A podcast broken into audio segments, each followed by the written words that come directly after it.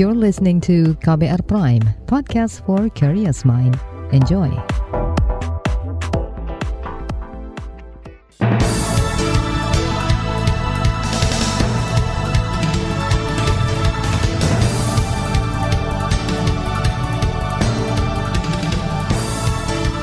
Selamat pagi saudara, senang sekali kami bisa menjumpai Anda kembali melalui program Buletin Pagi edisi Jumat 6 Mei 2022. Bersama saya Naomi Liandra. Sejumlah informasi pilihan telah kami siapkan di antaranya. Pemerintah daerah diminta proaktif menyisir gejala hepatitis akut misterius. Puncak arus balik lebaran, polisi berlakukan sistem satu arah. Pemprov Jabar usul pemekaran tiga daerah. Inilah Buletin Pagi selengkapnya. Terbaru di Buletin Pagi. Saudara, Menteri Koordinator Bidang Pembangunan Manusia dan Kebudayaan Menko PMK Muhajir Effendi meminta semua daerah proaktif melakukan penelusuran gejala hepatitis akut. Itu disampaikan Muhajir merespons kasus tiga pasien anak di Jakarta meninggal diduga hepatitis akut. Kata Muhajir, penelusuran penting dilakukan untuk deteksi dini. Saya rasa kita tidak ada jeleknya kalau lebih ofensif ya. Jadi tidak tidak menunggu tapi proaktif melakukan penyisiran agak besar-besaran di setiap daerah gitu untuk memastikan bahwa memang eh, apa hepatitis akut ini belum belum menyebar ke mana-mana. Kalau seandainya sudah menyebar juga bisa terdeteksi sejak dini dan segera bisa diatasi. Menko PMK Muhajir Effendi menambahkan, kasus dugaan hepatitis akut ini sudah menjadi persoalan global. Dia meminta Kementerian Kesehatan sigap untuk mengambil langkah-langkah preventif dan kuratif.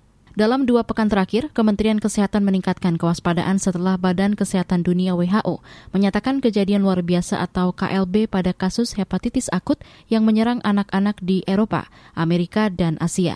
Kasus-kasus itu belum diketahui penyebab pastinya. Juri bicara Kemenkes Siti Nadia Tarmizi mendorong rumah sakit di semua daerah memperkuat upaya penelusuran dan deteksi dini gejala penyakit yang menimpa pasien usia anak ini. Penguatan di fasilitas pelayanan kesehatan dengan adanya rujukan uh, rumah sakit untuk uh, penanganan kasus hepatitis akut yang berat uh, seperti Rumah Sakit Sulianti Saroso termasuk juga uh, pemeriksaan uh, laboratoriumnya untuk menegakkan diagnosis pasti uh, terkait penyebab hepatitis akut berat ini bukan dikarenakan oleh hepatitis hepatitis A sampai dengan E tadi. Yang lain tentunya kita mengupdate juga ya mengenai tata laksana bersama organisasi profesi khususnya IDAI. Juru bicara Kementerian Kesehatan Siti Nadia Tarmizi menambahkan pemerintah sudah membuat pedoman dan tata laksana penanganan penyakit yang diduga hepatitis akut ini.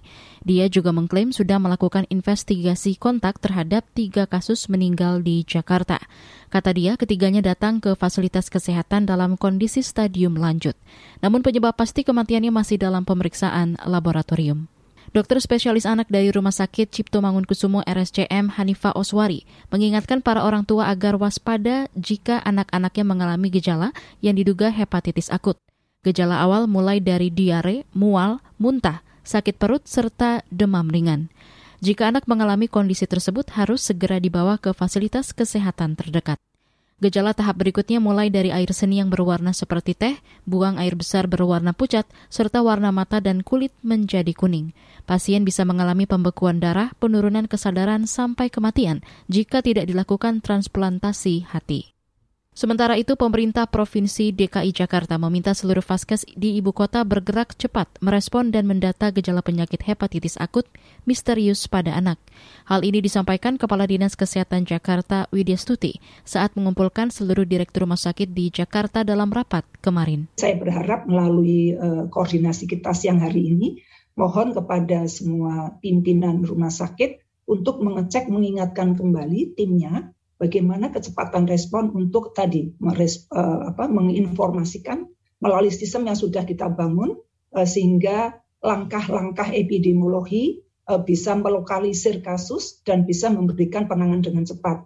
Kepala Dinas Kesehatan Jakarta Widya Stuti menambahkan, Penelusuran dan pendataan dapat dilakukan melalui sistem surveillance kewaspadaan dini dan respons Kemenkes RI atau SKDR. Sistem itu dapat diakses oleh puskesmas. Anggota Komisi Bidang Kesehatan DPR Kurniasi Mufidayati meminta pemerintah melakukan antisipasi sedini mungkin dan jangan menunggu banyak korban. Dia juga mendorong pemerintah melakukan sosialisasi yang menenangkan sekaligus memberikan edukasi kepada masyarakat tentang proteksi diri mencegah penularan penyakit ini. Yang ketiga dari Kemenkes, Litbang tentu saja ini adalah PR yang harus sesegera mungkin dilakukan risetnya Eh, begitu juga dengan BRIN mungkin ya, BRIN juga mungkin harus bersegera melakukan riset ya, karena riset kan sekarang semua ditarik di satu pintu di BRIN ya Mbak hmm. ya, gitu. Nah ini juga harus segera melakukan pemantauan, pengawasan terhadap perkembangan penyakit ini dan mungkin perlu berkomunikasi dengan berbagai pihak para ahli ya, eh, para ahli dan kemudian juga dimonitor. Anggota Komisi Bidang Kesehatan DPR Kurniasi Mufidayati juga meminta pemerintah memperhatikan daerah-daerah rawan dan rentan penularan hepatitis akut. Kata dia, pemerintah perlu melakukan sosialisasi dan juga memastikan kesiapan dari dinas-dinas dan fasilitas pelayanan kesehatan di daerah untuk mengantisipasi penularan penyakit misterius ini. Saudara, polisi akan menerapkan sistem satu arah untuk arus balik lebaran mulai hari ini. Tetaplah di Buletin Pagi KBR. You're listening to KBR Pride, podcast for curious mind. Enjoy!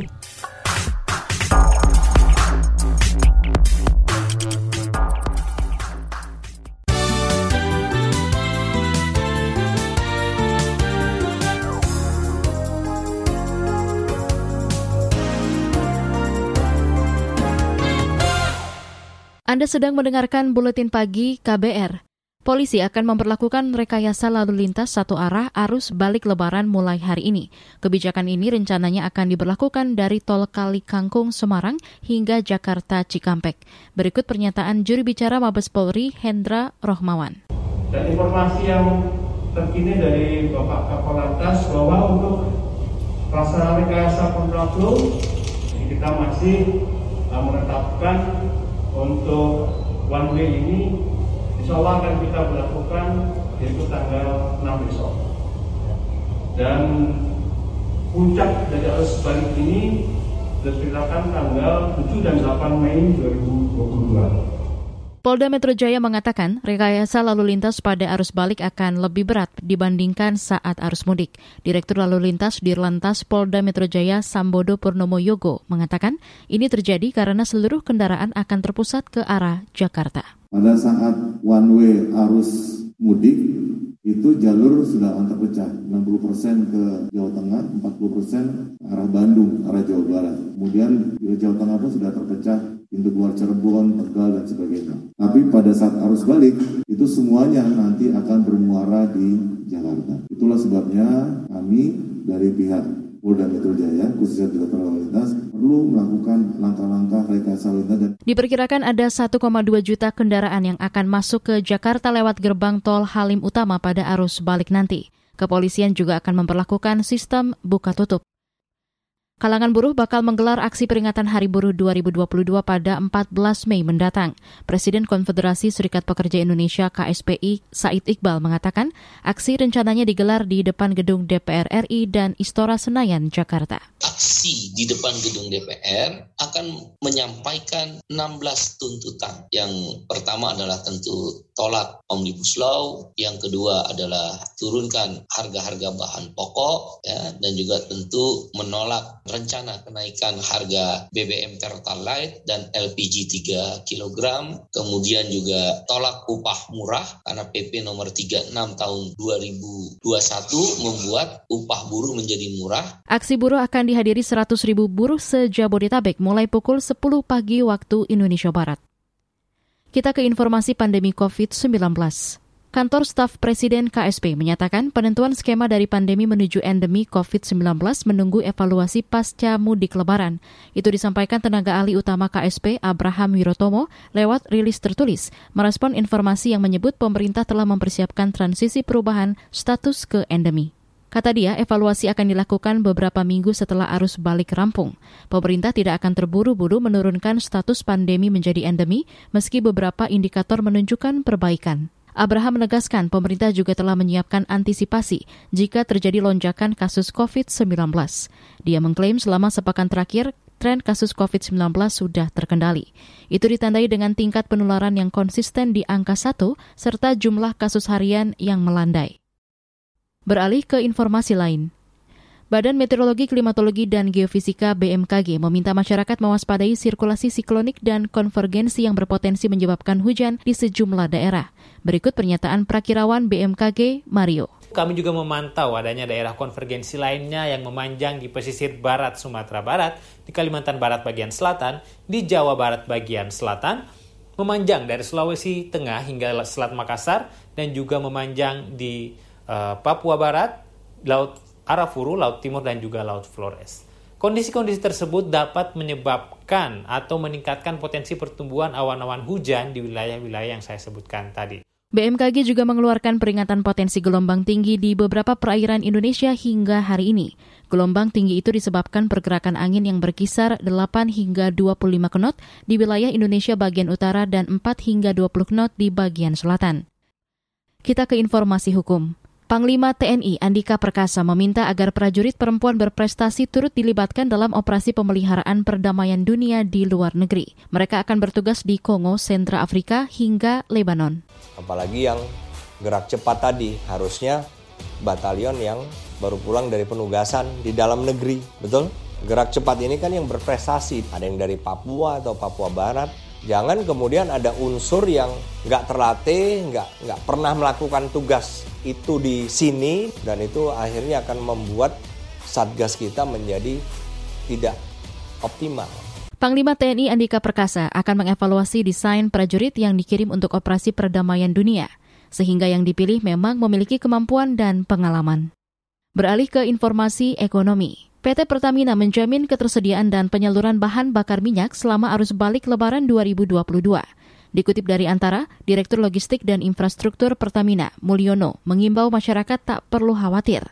Dia memastikan Pertamina akan mencukupi pasokan BBM untuk moda darat, laut, dan udara. Stok BBM di ribuan SPBU di jalur potensial mudik seperti tol, wisata, hingga jalur logistik juga dipastikan aman. Kata dia, Pertamina menerapkan kebijakan stok BBM di tangki timbun SPBU minimal 80 persen. Selain itu, Pertamina juga mengerahkan mobil tangki. Kita ke informasi mancanegara. Indonesia berkomitmen memperbanyak produk-produk kreatif dan inovatif yang dapat menjadi solusi dampak perubahan lingkungan. Itu disampaikan Menteri Pariwisata dan Ekonomi Kreatif Menparekraf Sandiaga Uno dalam forum High Level Thematic Debate on Tourism yang diselenggarakan PBB di New York, Amerika Serikat. Dalam forum itu, Sandiaga juga memamerkan sedotan purun. Purun merupakan sejenis rumput atau tanaman endemik lokal khas Belitung. Sandiaga mengklaim produk ini bisa menjadi solusi penggunaan produk-produk rumah tangga yang lebih ramah lingkungan dan berkelanjutan. Menurutnya, produk itu menjadi tindakan nyata Indonesia mengganti sedotan berbahan dasar plastik dengan yang ramah lingkungan. Badan Kesehatan Dunia WHO memperkirakan kematian akibat pandemi COVID-19 hampir 15 juta orang. Sejauh ini yang dilaporkan oleh negara-negara sebanyak 5,4 juta. WHO menyebut selisih 9,5 juta kematian tambahan itu dianggap sebagai kematian langsung yang disebabkan oleh virus. Dikutip dari BBC, WHO meyakini banyak negara meremehkan jumlah kematian akibat COVID-19. Misalnya di India, diperkirakan ada 4,7 juta kematian atau hampir 10 kali lipat dari angka resmi yang dilaporkan negara itu. Pemerintah India membantah laporan itu dengan menuding metodologi yang digunakan WHO cacat. Samira Asma dari Departemen Data WHO mengatakan pembuatan kebijakan harus bertanggung jawab. Sementara itu, ahli statistik John Wakefield yang membantu penyusunan laporan WHO mengatakan sistem pengumpulan data yang lebih baik sangat dibutuhkan. Beralih ke informasi olahraga. Timnas Indonesia U23 akan melakoni laga perdana SEA Games 2021 melawan Vietnam. Laga digelar di Stadion Vietri Puto, Vietnam sore nanti waktu Indonesia. Pelatih Indonesia Shin Taeyong mengatakan anak asuhnya sudah siap tempur melawan Vietnam. Meski akan bermain di kandang lawan, Shin berharap anak asuhnya tetap fokus. Di laga perdana ini, skuad Garuda belum bisa diperkuat bek Asnawi Mangkualam dan Elkan Bagot karena belum bergabung ke Vietnam. Indonesia tergabung di grup A bersama Vietnam, Timor Leste, Filipina, dan Myanmar. Di bagian berikutnya, kami hadirkan laporan khas KBR bertajuk Waspada Modus Baru Pendanaan Terorisme di Indonesia. Nantikan sesaat lagi. You're listening to KBR Pride, podcast for curious mind. Enjoy!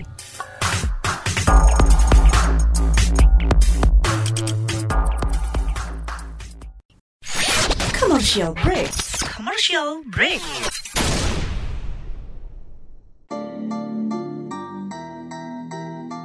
Come on yo, buat yang sukanya berhoax, you better listen to this one. Check this one out yo. Hati-hati kalau baca kabar Hoax. Jangan langsung disebar kabar yang Hoax. Kalau mau tahu kabar benar atau Hoax. Dengerin cek fakta yang pasti bukan Hoax. Dengerinnya setiap Senin yang jelas bukan Hoax. Cuma ada di kbrprime.id. Dan aplikasi podcast lainnya Hoax. Sudah cukup-cukup hoaxnya? Hoax. Cukup Jaga emosi, tahan jari, verifikasi sebelum dibagi. Saya Ari Bowo Sasmito, Ketua Komite Pemeriksa Fakta Mafindo. KBR Prime, podcast for curious mind.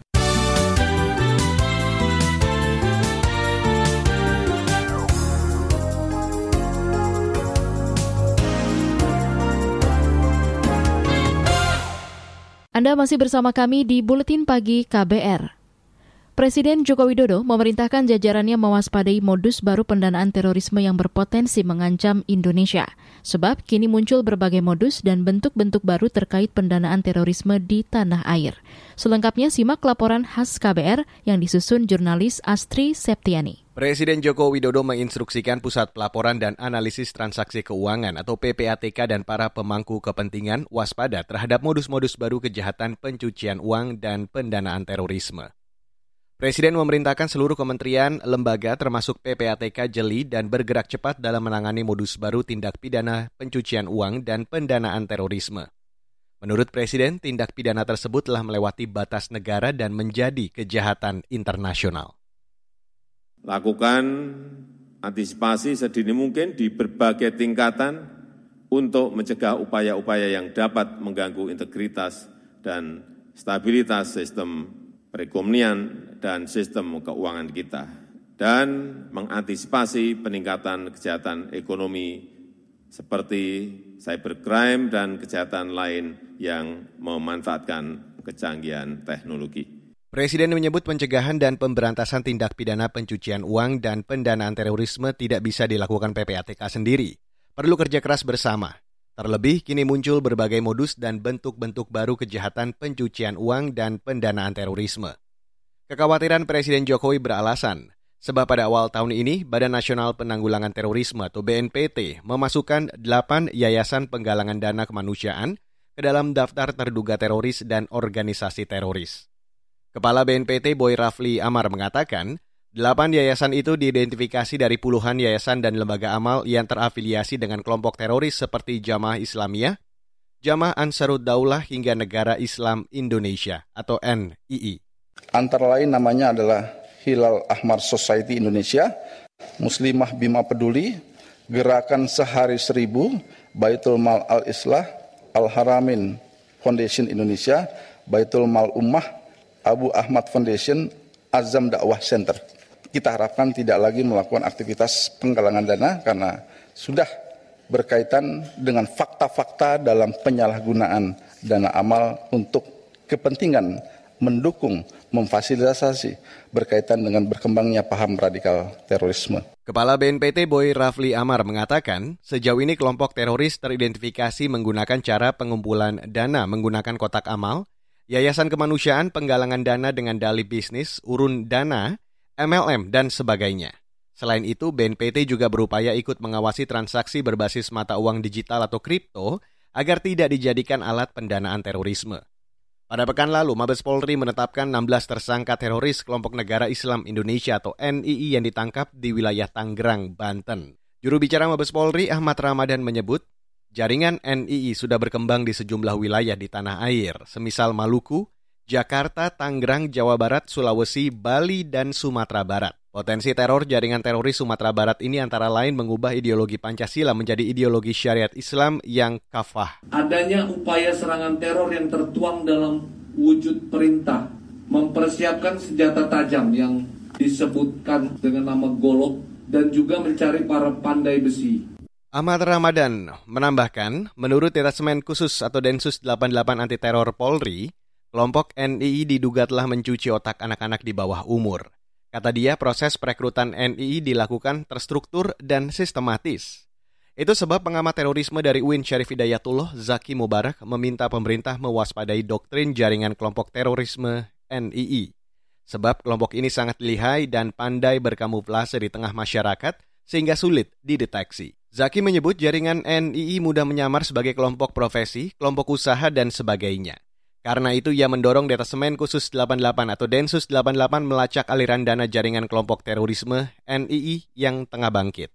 Kan dana ini kan dana yang berasal dari dana FAI, infak gitu, masing-masing anggota itu dipaksa infak. Bahkan akhirnya ada yang melakukan curanmor, pencurian, dan macam sebagainya. Dana-dana itu bertingkat dari level kelurahan, kemudian masuk ke kecamatan, kabupaten, kota, dan pusat. Pusatnya itu pemerintah pusat NII.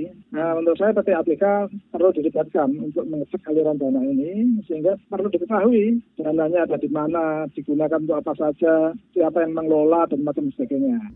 Dalam catatan PPATK, salah satu organisasi yang menjadi pengumpul pencucian uang ialah organisasi terorisme. Menurut PPATK, terdapat arus transaksi ilegal yang berguna untuk mendanai terorisme. Ada beberapa ciri umum, antara lain cenderung menggunakan sistem pembayaran elektronik untuk memindahkan uang ke beberapa negara.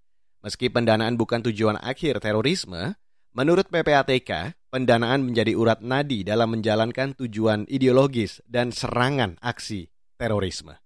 Dan saudara demikian laporan khas KBR yang disusun Astri Septiani. Saya, Reski Mesanto. Informasi dari berbagai daerah akan hadir usai jeda. Tetaplah bersama Buletin Pagi KBR. You're listening to KBR Pride, podcast for curious mind. Enjoy!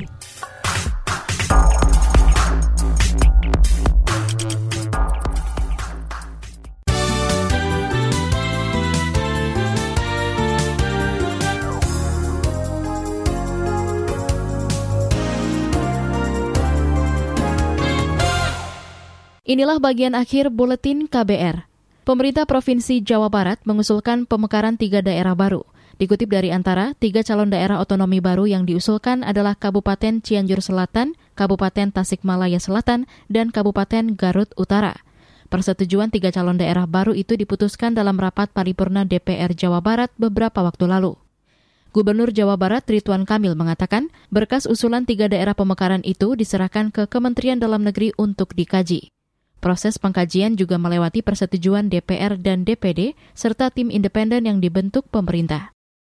Puncak arus balik lebaran di Pelabuhan Ketapang, Banyuwangi, Jawa Timur diprediksi terjadi pada minggu nanti. Manajer operasional Pelabuhan Ketapang Banyuwangi, Marsadik, mengatakan sejak kemarin Pelabuhan Ketapang sudah mulai dipadati kendaraan wisatawan dari Bali. Selain itu juga terjadi kenaikan hingga 17 persen dari sisi kendaraan logistik. Kalau dari Ketapang itu kan mengalir, Mas. Karena dia liburnya panjang, juga uh, kita melihat habit daripada masyarakat itu uh, biasanya dia habis lebaran ketupat baru uh, ini. Jadi kami prediksinya sih kalau untuk dari Pelabuhan Ketapang sendiri, tapi hmm. kalau H itu uh, insya Allah seperti tahun-tahun sebelumnya itu ada. Manajer operasional Pelabuhan Ketapang Banyuwangi Marsadik menambahkan telah menyiapkan skenario untuk mengantisipasi lonjakan arus balik yang diprediksi lebih padat dari tahun 2019. Pelabuhan Ketapang telah menyiapkan lebih 40 kapal, menambah loket masuk dan mempercepat bongkar muat kapal sehingga pada saat puncak arus balik tidak terjadi antrian panjang seperti arus mudik. Banjir bandang menerjang Kabupaten Sumedang, Jawa Barat. Dikutip dari antara seorang remaja 13 tahun hanyut terseret banjir. Hingga malam tadi, bocah asal Indramayu itu belum ditemukan.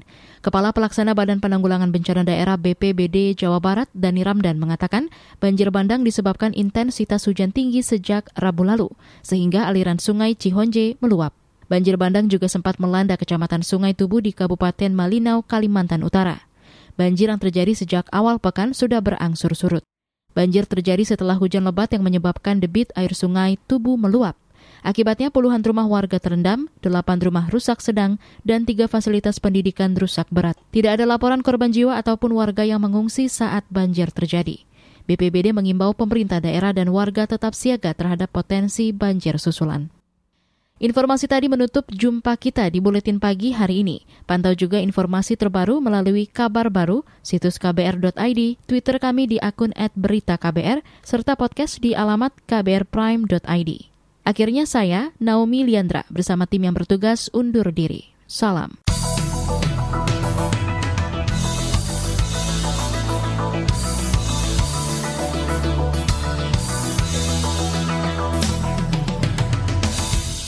KBR Prime, cara asik mendengar berita. KBR Prime, podcast for curious mind.